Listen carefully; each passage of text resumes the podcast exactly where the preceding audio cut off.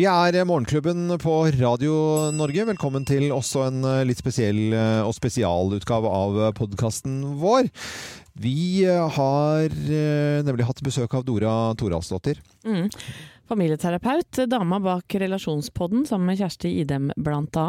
Er veldig flink til å prate om vanskelige ting. Ja. Hvis du skjønner hva jeg mener? Mm. Altså sånn eh, Flink til å prate om hva vi krangler om og Mm. hvordan vi kan løse opp i det. Denne, vi har jo hatt en sending med Dora og fant ut at eh, ok, kan vi ikke lage en uh, ja. podkast av det fordi at det var så mye bra tips, da.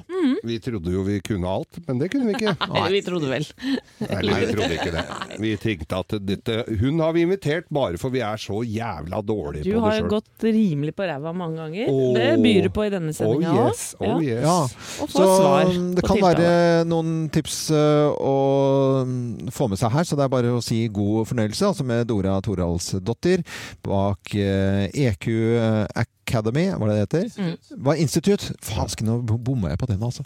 Eh, EQ Institutt og eh, Relasjonskassen. Hvordan blir du sånn eh, familieterapeut? Det er det når du har slitt mye sjøl, og så bare krysser av Nei, jeg tror nok det er noe mer drastisk til verks enn at du bare har slitt litt selv, ja. Ja. Så kan ikke jeg begynne, altså. Ja, familieterapeut spesial med Dora Toralsdottir. Velkommen til oss, Dora. Dette blir en fin dag, tror jeg, altså. Ja, nå setter vi lista. Ja, vi Ja. gjør- gjør det. Dette blir bra. Skal Ja. vi snakke om andres problemer, det er alltid en god ting. Ja, Vi kan jo skyte noe problemer som vi har også, hvis Du, det er greit. det kommer noe sunt fra eget bryst her, det skal jeg love deg, Dora. Men du, hva, hvordan hadde det seg at du begynte å jobbe med familieterapi? Fordi jeg var standup-komiker i fire år, og så ble jeg litt lei av å underholde folk. Jeg reiste sammen blant annet Øyvind, Ja. land og strand rundt. Ja da. Og så etter hvert så snakka jeg mye med moren min som var familieterapeut, og jeg syns hun drev med menings veldig meningsfylte ting. Så da tenkte jeg nei, skulle hun tatt og blitt det, gitt. Og så ble jeg det. Og så starta vi firmaet, og så er jeg det også, i tillegg til standup-komikere. For, ko- for komikere som reiser rundt, de trenger jo egentlig terapi hele tiden. Jeg har hatt veldig mange komikere i terapi, for Ja. øvrig. Det kan jo bare nevnes. Ja, ja, ja.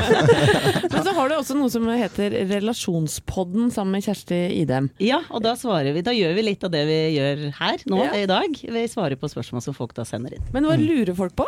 Du, det er ganske mye forskjellig, men i forhold til familie, det som går igjen, syns jeg nesten bare mer og mer, er dette med grensesetting og si ifra.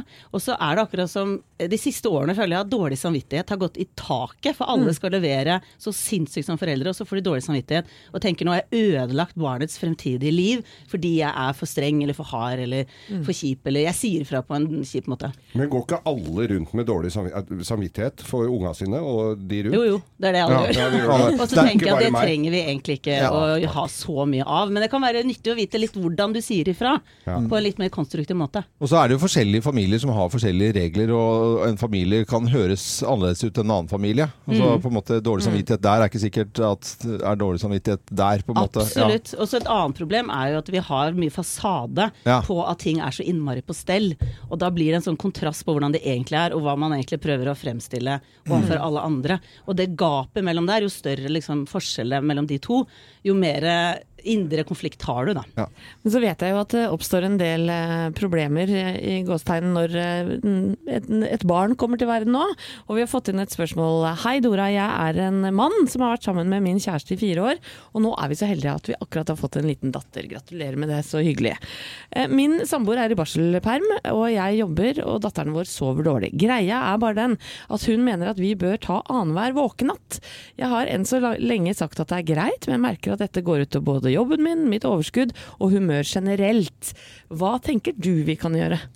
Jeg tenker at dette, hvis jeg snakker veldig generelt, alltid når du går på akkord med deg selv, dvs. Si at du gjør ting du egentlig ikke syns er greit, så begynner det å hope opp seg ganske mye frustrasjon. Dette er jo ikke greit for han. Så det er ganske viktig faktisk at han tar det på alvor og sier ifra at dette går ikke, for jeg får ikke vært liksom til stede på jobb annenhver dag, mens du er faktisk hjemme. Men det som er veldig nyttig å vite, er at alltid når du ber om noe, så er det veldig lurt å spørre Jeg kan godt gi litt i retur. Så hva, hva er din grense? Kan du ha tre dager på rad, og så tar jeg én dag, og så tar du to dager til, og så tar jeg Hvordan kan vi liksom løse det som Du kan gi litt mer til meg, for jeg kan Jeg klarer meg ikke på jobb sånn som det er nå. Eh, at du gir litt, okay. da. Men ikke liksom helt bombastisk fem dager i uka, så har du barnet, og så har jeg det Nei, i helgen. kompromisser litt, rett og slett, i starten, Ja. og så ser Give man det litt take, an. liksom, hva, hvor grensene Men, går. men ja. går det an å se det på andre måten? At det, det, jobben hans er jo på en måte å tjene penger, og i det hele tatt det føles jo jævla urettferdig at du skal drive og stå opp midt på natten, da. Ja, jeg, er grusomt, hjertet mitt går faktisk litt går faktisk Er ikke det høl til i han. huet, egentlig? Men er det ikke dårlig samfunnsøkonomi? Er det ikke dårlig Jo, jeg tenker jo at eh, det er noe med at hun er faktisk hjemme. Ja. Det er hele opplegget Går og hun surrer og koser seg. eh, Kjempekoselig. Ja, det er ikke bare surr og kos. Straffen, da? Nei, nei, men altså, eh, altså noe Det kan ikke bare Du kan skru på litt radio, du kan fyre i peisen, du kan jo ha det hyggelig og i det hele tatt. Og så skal du i tillegg Har du vært i liksom barselpermloven? Nei, nei, jeg, jeg, har ikke Nei, vært- nei, jeg har ikke det. Jeg jobbet her. Jeg. Ja, ja. Jeg jobbet Men jeg her, tenker å være ærlig og si det på en litt mer sånn ålreit måte enn det du gjorde kanskje nå. Ja, ja, ja, ja. Og så Ok, jeg kan gi noe, men dette her går ikke sånn som det er nå. Jeg mener det er greit å kalle en spade for en spade, jeg loven. Jeg synes det er veldig Hold med deg her. Det er veldig bra. Eh, Dora er hos oss og svarer på spørsmål. Har du et spørsmål, skriv det ned på en SMS. Kodeordet er 'morgen til 2464'. Morgen til 2464. Tenne i peisen. ja, vi rundt. Tutter rundt er jo, er jo verdens Pass på ikke det er feil mellom kubben og ungen, da, for å nei, rett. Kjære folk. Familiespesial i dag, og Dora er på plass hos eh, oss og svarer på spørsmål som du måtte ha. Geir, vær så god, les opp eh, et spørsmål her. Hei, skriver en inn her. Ja. Jeg er en mann i min beste alder som sliter med at kvinner er veldig utydelige. Jeg har tre ekteskap bak meg, og alle har plutselig bedt meg ryke og reise. Det beviser vel at damene er utydelige. Dora, hva tenker du om Hvem er, hvem er det som har skrevet har du dette? Det er en bevist det. mann her, da. En mann? Det er en mann som har Mann sendt 57, Geir? Gau? Det er, Ok, det er Geir. Det er Geir Skau. Ja, du mener at kvinner er utydelige? Det tror jeg Geir også mener, for det var så veldig engasjement er på måten å lese det opp. Så det syns jeg var fint. Men uh, det er noe der, altså. Fordi uh, jeg, skal ikke, jeg skal ikke skille liksom at menn er kjempegode på å være tydelige, og kvinner er ikke det. Men det jeg vil gjerne si, er at mønstrene våre, måten vi er på, de skapes jo i barndommen. Og det som skjer med, som har skjedd med veldig mange av oss uh, kvinner, er jo det at de gangene vi sa ifra da vi var barn, så er veldig mange oppdratt til å være snille og søte og greie, og følte oss mer elsket da. Så med en gang vi begynte å være litt vanskelige eller sinte eller slå i bordet eller si nei, så har vi følt oss avvist. Og da ubevisst så har vi denne frykten i oss at når vi sier ifra, da blir jeg avvist fra den jeg elsker. Så derfor er veldig mange veldig sånn, de pakker alt inn i bomull veldig. For denne frykten for at hvis jeg er dønn ærlig og sier hvordan tingene er, så blir ikke det tålt. Så det har utrolig mye å si i oppveksten å bli de følelsene du har, da, at de blir akseptert for hvordan du egentlig har det som voksen Ja. i dine relasjoner. Men, men eh, hvor- eh, Altså, er eh, damer litt tjukke i huet, da? Fordi at, altså, Hvis du har vært, vokst opp med det der, altså, og snill pike også, at det funker I et vanlig et forhold som vi snakker om her, da, eller Geir med tre ekteskap bak seg, Ja. så lærer ikke disse damene at det ikke funker. Altså sånn, Hvis det liksom er sammen, så er utydelig i tre år, da. Ja. Må jo gå noe inn i skallen på at liksom hvis, Nå funker det ikke å være Nå må jeg være utydelig. Nei, tydeligere. Ja. Og så blir det ikke Nei, bare fortsetter å være like utydelig. Og så til og med eh, Geir sier da til Ja, kan du være litt Hva er det du mener med dette? Vær litt mer tydelig. Nei, nei, det skal ikke jeg være. Jeg har ikke lyst til å være mer tydelig, så da går dette til helvete, da. Det er utrolig mange som får seg en ganske mange aha-opplevelser etter hvert når de blir eldre, at dette funker ikke. Og jeg er en av de som har lært For jeg var veldig utydelig. Jeg hinta veldig mye, for jeg var redd for at det, Sinne ble ikke tålt så veldig godt da jeg vokste opp. Så de gangene jeg ble sint, så hadde jeg taushetsstraff som overhodet Det tar syv minutter for en mann å skjønne at han er utsatt for taushetsstraffen. Ja. Fram til da er det bare behagelig stille. Så jeg drev med masse dustete måter å kommunisere på, som jeg lærte the hard way. At jeg når jo ikke fram, fordi at han skjønner jo ikke hintene. Så jeg har absolutt vært der, og det er det som er at når du el blir eldre, Ja. så lærer du gradvis at jeg trenger faktisk å være tydeligere, ellers så blir det bare kål. Så det er ofte, men det tar tid ofte kurven tid, da. skulle vært litt brattere, på en måte, da. Ja, Nei, men- for mange, altså, som han mannen her, så tror jeg Ja, han hadde fra likt det. og Nå fremstilles jo dette problemet veldig svart-hvitt, vil jeg si. Ja. Da er- har det kan også noe med at mannen ikke lytter så godt innimellom å gjøre òg? Jeg syns jo det er litt spesielt hvis disse tre damene ikke har sagt et kvekk eh, hele tida, og så plutselig Det er høyst uvanlig, for å si det sånn. sagt, har nok sagt det, men på sin måte, og kanskje litt inni seg, men det må jo kunne jeg, altså, jeg, Herregud. jeg tåler jo.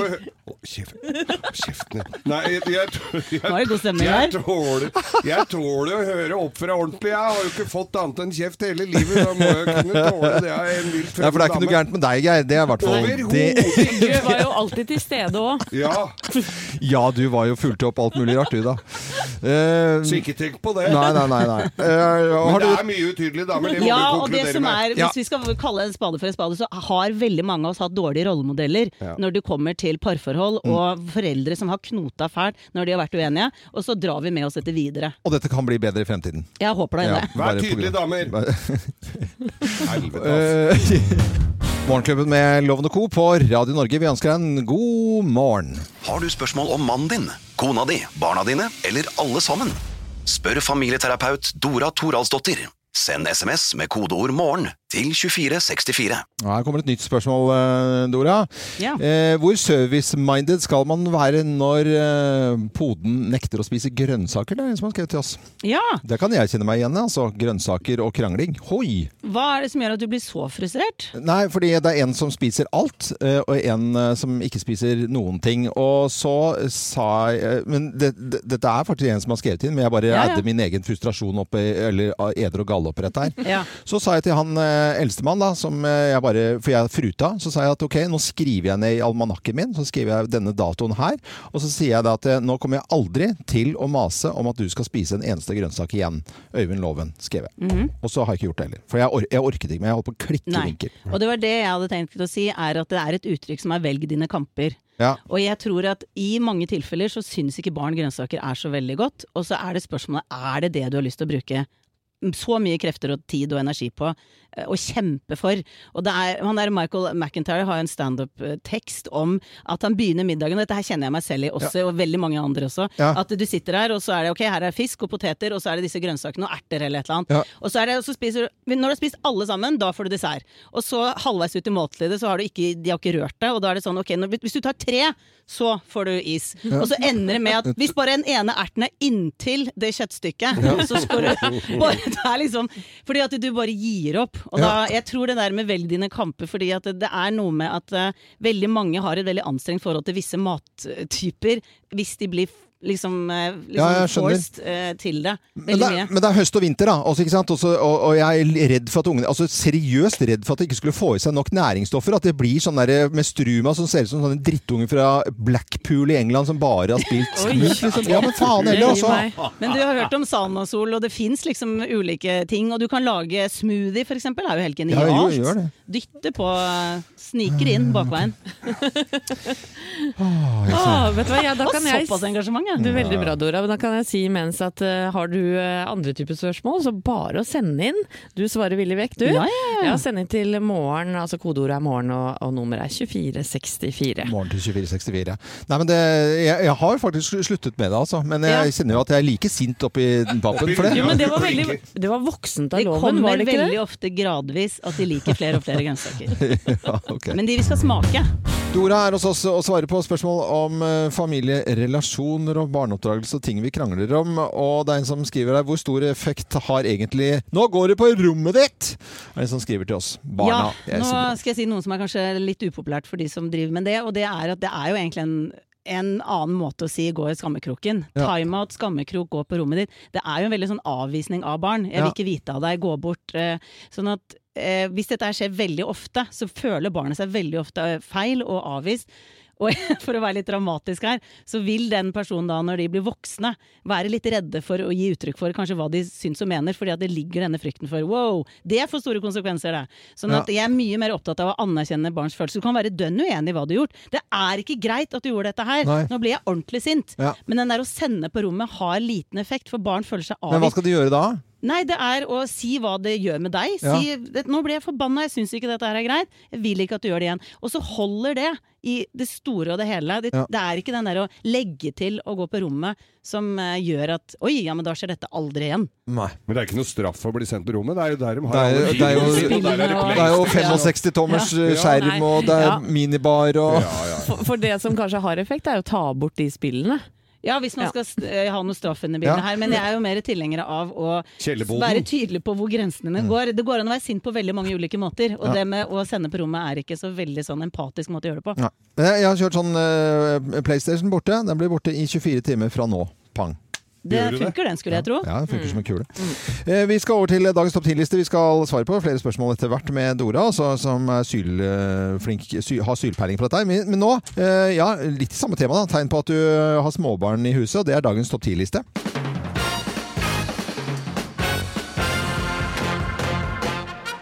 Morgenklubben med Lovende Co. på Radio Norge presenterer topp 10-listen tegn på at du har småbarn i huset. Plass nummer ti. Du snakker veldig mye om søvn. Å ja. Ja, det, Ja, ja, ja, ja, ja, det gjør man jo. Plass nummer ni. Du snakker veldig mye om bæsj. Ja. Det er så spennende. Se på den. Nå var den veldig løs her nå. Se, der var en løsmeis. Ja.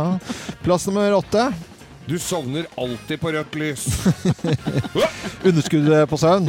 Den er jo vanlig, da. Det er farlig, vet du. Det er tegnet på at du har småbarn i huset. Plass nummer syv. Du driter litt i om du har gulp på skjorta. Det blir bare vanlig. Ja, for, forfengeligheten daler, på en måte. Gjør jo det da når du har småbarn i huset. Plass nummer seks. Du ser plutselig mye eldre ut enn det du er. Ja, eller noen som kommer bort til de som har småbarn. Du ser så dratt ut. Dratt Ja, det er hyggelig. Grusomt. Plass nummer fem. Du syns barnet ditt virker usedvanlig oppvakt for Ja, alderen å være. min unge, altså. Ja, se, altså, se, Ja, vel se, se på den nå. Ja. Tenkt. Ja. Se på den, hvem er Hvor hvor mange andre er det som er kan det der? som han. Hvor mange andre som får til dette? Plass nummer fire. Du har begynt å si 'Her kommer toget' hver gang du putter noe i munnen. Ja. Ja, Gå videre. Jeg, det er koffert. Jeg veit det. Jeg vet Plass nummer tre. Plass nummer tre. Plass nummer tre. Du har glemt helt hvordan man har sex. Ja, Var det av med klærne, eller var det Plass nummer to. Du har begynt å mose all maten din. Det gjør du når du blir gammel igjen nå. Og plass nummer én på topp 10-listen. Tegn på har småbarn i huset. Plass nummer én.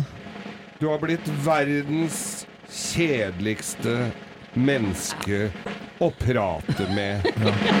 Det er altså. Åh, snork i snork. Oi, splash skulle du Og kommet ingen der. impulser. Nei, mm. Var forsinket. Ja, ja. Det er kjedelig, det. Morgenklubben med Lovende Co. på Radio Norge presenterte topp 10-listen tegn på at du har småbarn i huset. Og barneoppdragelse, ja det krangler vi ganske mye om i eh, verden. Du, det er så mye å krangle om, og barneoppdragelse det er absolutt på topplista av eh, temaer. Vi ønsker alle en god morgen, og her går uh, praten som bare det. Vi har uh, besøk eh, av Dora i dag, som står bak uh, Relasjonspodden og EQ-institutt og familieterapeut. Er du i Ja tillegg til komiker og Ja, mye rart? litt av hvert. Men du er jo, f- er jo imponert over liksom, kunnskapsnivået her på familieterapi. Det Da.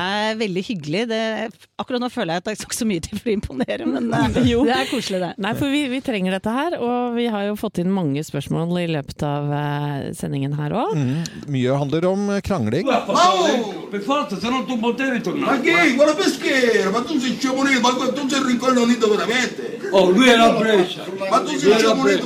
Det er vanlig koselig italiensk samtale. Og, Koselig familielyd. men det er noen som krangler mer enn eh, andre, og her kommer et spørsmål. Ja, mann 23 lurer på er litt småkrangling med kjæresten sunt eller usunt for forholdet, Dora? Ja, eh, nå kommer liksom fasit, da. det er at det er veldig sunt å si ifra når noe hoper seg, eller no, det er en frustrasjon. For alternativet er å hope det inni seg, og så eksploderer det veldig ofte. Så det er mye bedre å si ifra når det skjer noe, og bare få det ut. Men det som er veldig viktig, som snakkes lite om, er hvordan du sier ifra når noe ikke er greit. Og det er noen ord som er konfliktfremmende, og noen som er konflikthemmende. Oh. Så det er veldig nyttig å vite at hvis du er forbanna for et eller annet, hvis du begynner setningen med 'jeg', jeg mener at jeg syns at jeg tenker at jeg føler at jeg vil at Så snakker du ut fra deg selv. Og grunnen til at det er så effektfullt, er at det motsatte av å si jeg, det er å bruke generelt språk, og det er å si du, mann eller vi først. Du kan jo ikke holde på sånn, man gjør ikke sånn. Vi er jo ikke en familie som gjør sånn. Og det som provoserer Ja. så mye med det, er at det virker som om du snakker på vegne av det norske folk. Ikke sant? Du må ta deg sammen. Det er sånn eh, på vegne av Vest-Europa på et vis.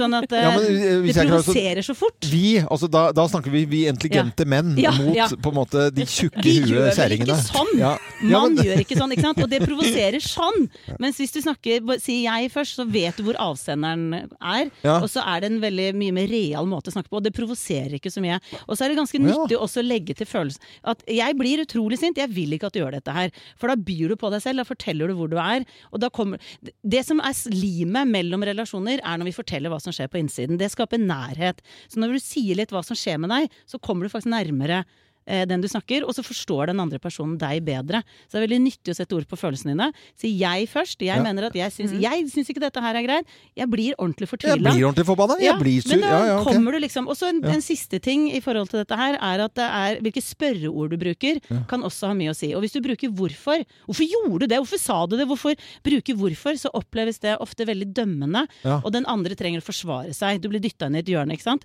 Mens Ah. hva og hvordan og nøkkelord. Eh, si hva var det som skjedde, og hvordan foregikk dette, eller ikke sant. Og nøkkelord. Ja. bruke liksom et ord som den andre har brukt, da, for å spørre videre, det gjør at du virker genuint interessert. Det heter aktiv lytting, og det provoserer ikke så mye. Så unngå hvorfor-spørsmål når det er mye følelser, og si jeg først. Jeg vil, jeg tenker, jeg mener, jeg syns, istedenfor du, mann og vi. Og unngå også må, bør og skal. For det er jo sånn belærende. Du må jo det, bør jo det, skal jo det. Det er sånn, du, nå skal jeg oppdra deg, for du har ikke skjønt noen ting. Så det er lurt å krangle når du mener at noe ikke er ålreit. Ja. Men hvis du holder deg til de konflikthemmende ordene, så blir det ikke så destruktivt. Nei, begynne med 'jeg' er stikkord her, altså. Ja. Men det er jo litt sånn som å snakke med barna sine, på en måte. Bare ikke sånn nedlatende Ja, sånn. altså, jeg, jeg blir så forbanna hvis ikke du, når, når ikke du klarer å plukke opp de klærne Ja, som ligger på gulvet. ja. Ja. Jeg syns ikke det er greit. Jeg vil at du heretter Jeg det. vil at du skal plukke opp de klærne. Jeg vil ja. at du skal rydde på rommet ditt. Det funker. Ja. Jeg lover deg det. Man rydder må. da på rommet sitt. Ja. Det er ikke bra. Nei, det- Jeg vil at du skal rydde på rommet. Veldig Ja. bra. Jeg noterer her Jeg, du sa. An, det der Ja, Geir noterer. Det er kjempebra, Geir, at du Har gjør det. Unga har flytta ut, så det er litt seint nå, føler jeg, Geir, men det er greit.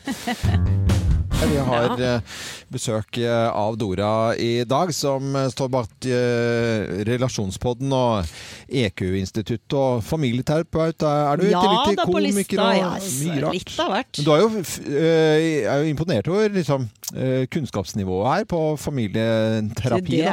er veldig hyggelig. Det, akkurat nå føler jeg at jeg ikke så mye til for å imponere, men eh, det er koselig, det. Nei, for vi, vi trenger dette her, og vi har jo fått inn mange spørsmål i løpet av eh, sendingen her òg. Mm, mye handler om krangling.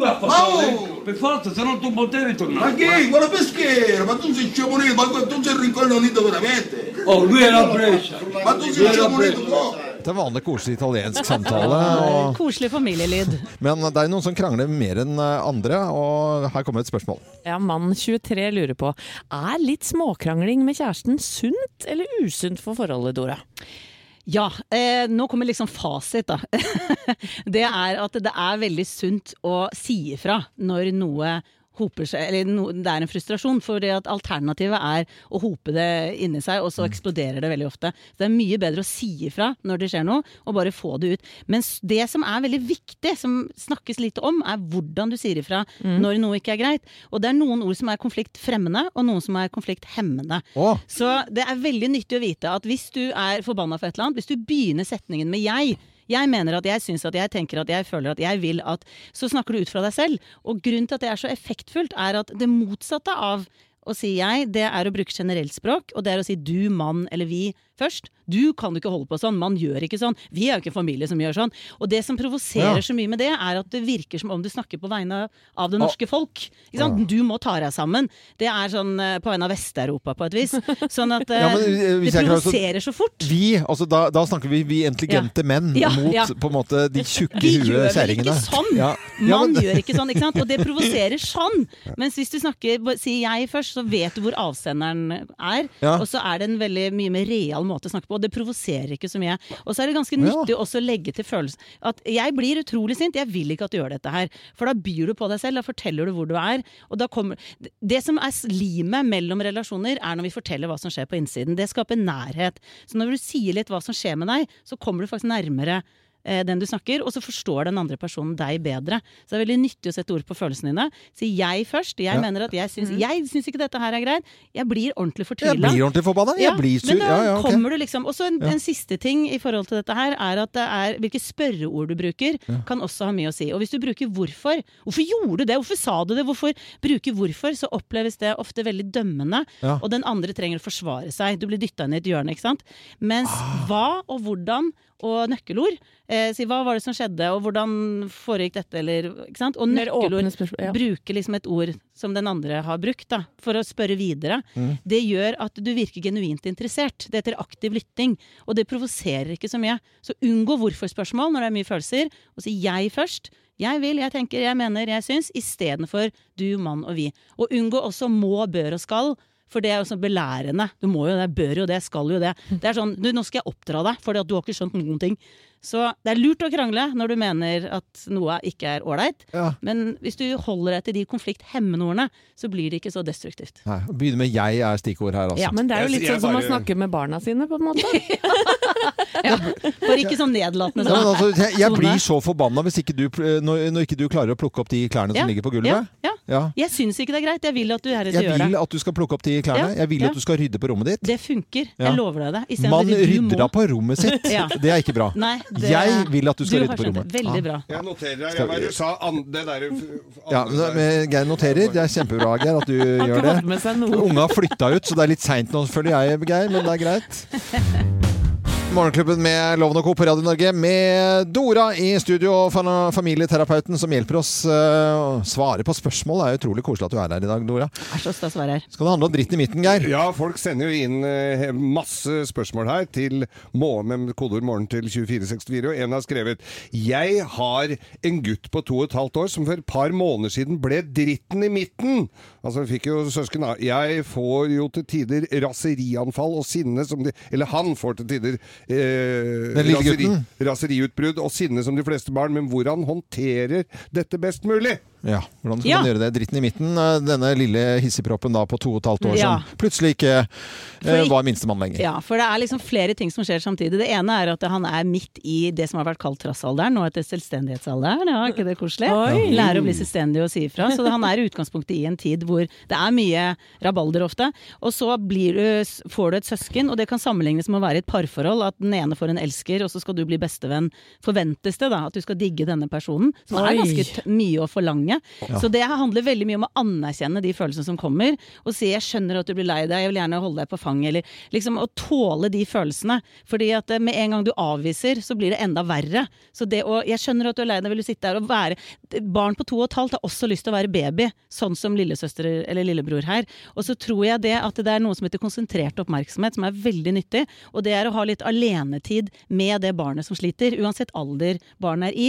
Men det å gjøre noe med bare du og jeg drar i butikken, eller bare Det spiller ikke noen rolle hva du gjør, men det å føle at jeg er utvalgt til å bare være sammen med mamma, eller bare være sammen med pappa, gir den følelsen av at jeg får litt spesialbehandling, jeg også. Ja, Men- men her er- ja. Her er det jo en på to og et halvt år, da er de jo ikke Står det er ikke jo noen. Skjønner jo ikke en dritt. Er det, er det lettere hvis de er litt eldre? Er det det? Eh, jeg det tror to og et halvt er en veldig sånn sårbar alder, for da driver de og løsriver seg. De skjønner at 'oi, jeg har egne meninger', og så begynner de å øve seg på å være et, et en selvstendig individ. Og så parallelt får de da et søsken som blir en trussel på at 'oi, hvor blir av plassen min oppi dette her?' For pappa, eller mamma spesielt, er jo ekstremt opptatt av dette barnet. Så de, de har ofte ekstra behov for å bli sett.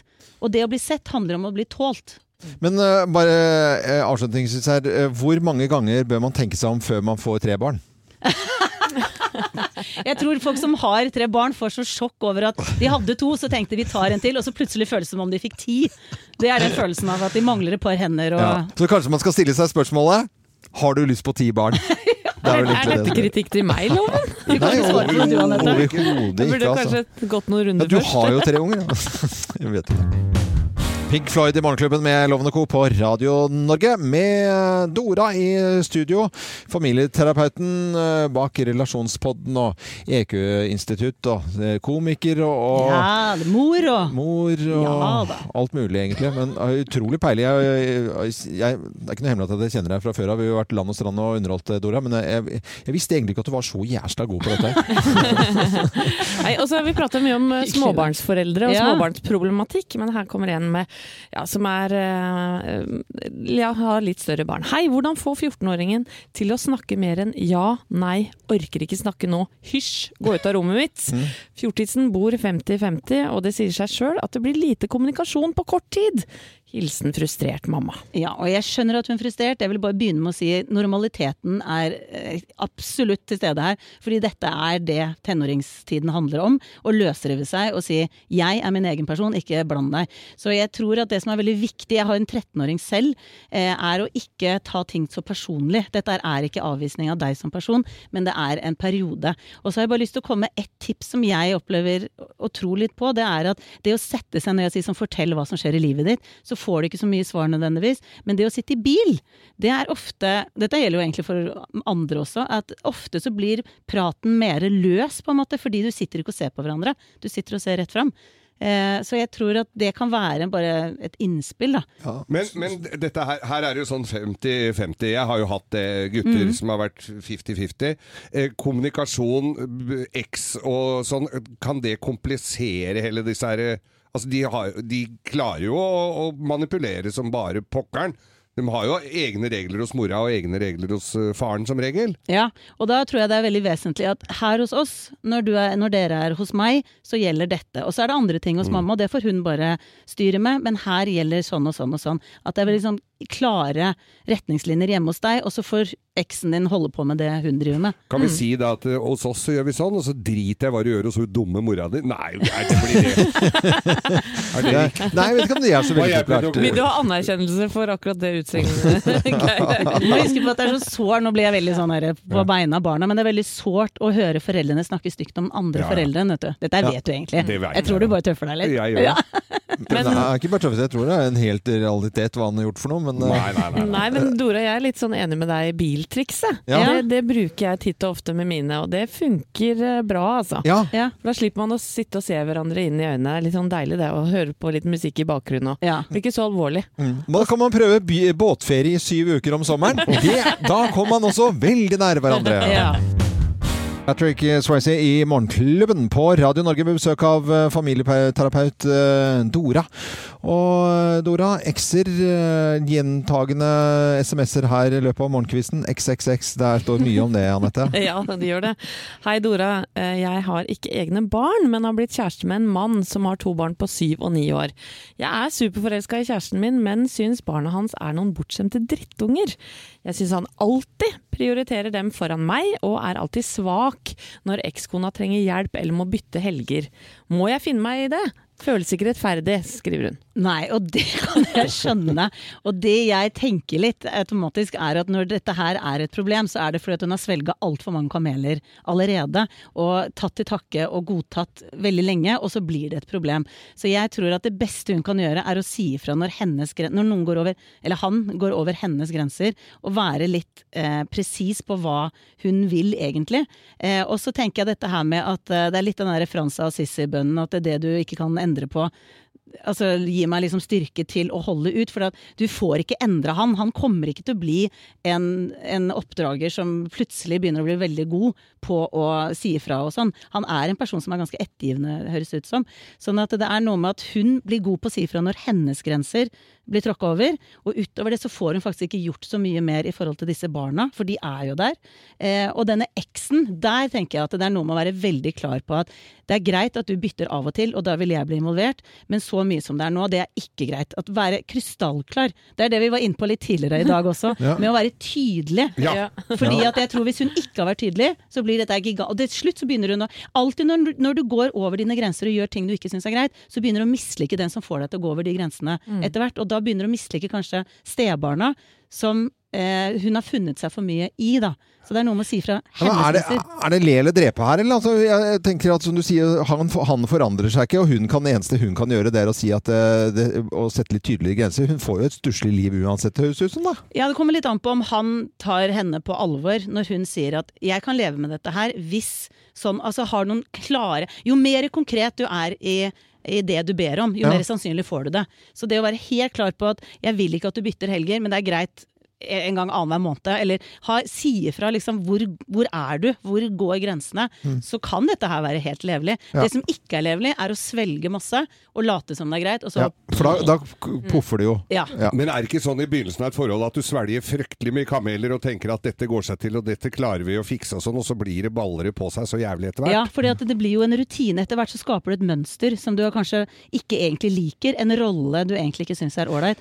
Og da er det noe med å hente tilbake. Her er jeg, og dette tenker jeg, og dette vil jeg. Og Bør dette vil hun jeg ikke. finne en eller annen hobby som at gjør at han Altså en, en greie, kjøpe seg Harley, fallskjermkurs, eh, dra til Sør-Afrika og Jeg tenker at de, de ukene ungene er der, så Ja. kan hun kanskje gå litt mer aktivt inn i de hobbyene. Ja. For eksempel. ja, ja.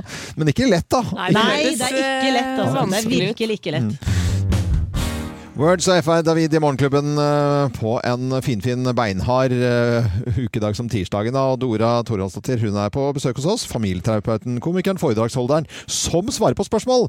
Og her kommer et nytt et. Ja, fra Ruben. Hei, når jeg blir sint på barna, så roper og skriker jeg og angrer som et uvær etterpå. Dette er ikke hver dag, men kanskje en gang annenhver måned. Prøver å telle til ti, men klarer ikke. Hva gjør dette med barna?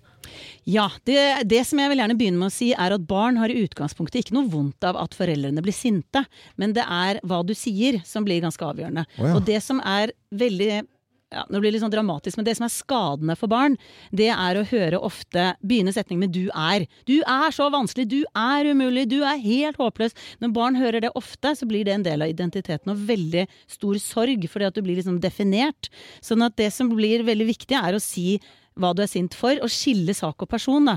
Så det ikke det er liksom hele deg er feil, men jeg er sint for du gjorde det. Jeg vil ikke at du gjør dette her igjen. Jeg er forbanna irritert. Og det som er veldig nyttig å vite, er at når du setter ord på følelsene dine, så får du tømt det. Da får du det ut. Da går du mye fortere i vater igjen ved å si 'jeg er forbanna, jeg er sint, jeg er irritert'. Og jeg gjør dette, og jeg kan bli rasende mange ganger, men jeg har ikke så dårlig samvittighet fordi jeg står ikke og peker på barn og sier at barn er umulig. Det du gjorde, syns jeg ikke noe om. Jeg er skikkelig forbanna. Jeg vil ikke at dette skjer igjen. For da sitter ikke barnet og liksom bærer hele ansvaret på at alt ved meg er feil. Men når du sier dette, så gjør det vondt i hjertet mitt. fordi at jeg har kjefta veldig mye. Jeg fruter, jeg blir grisegæren. Jeg, jeg gjør det. Og det, altså. 14 år gammel sønn, og det er sånn eh, Og jeg visste mye bedre, for jeg gjorde sånn da jeg var liten. Jeg har gjort absolutt alle tabbene. Er han ødelagt for livet, da? Skal jeg bare, kan vi legge han inn på anstalt? jeg har anstalt? veldig lyst til å si til både han som sender inn Ruben, og til deg og alle andre som måtte lure på dette her, at det er et magisk ord som hjelper veldig, og det er ordet unnskyld. Ja. Og det å, hvis du hører Unnskyld som barn unnskyld ja, det også.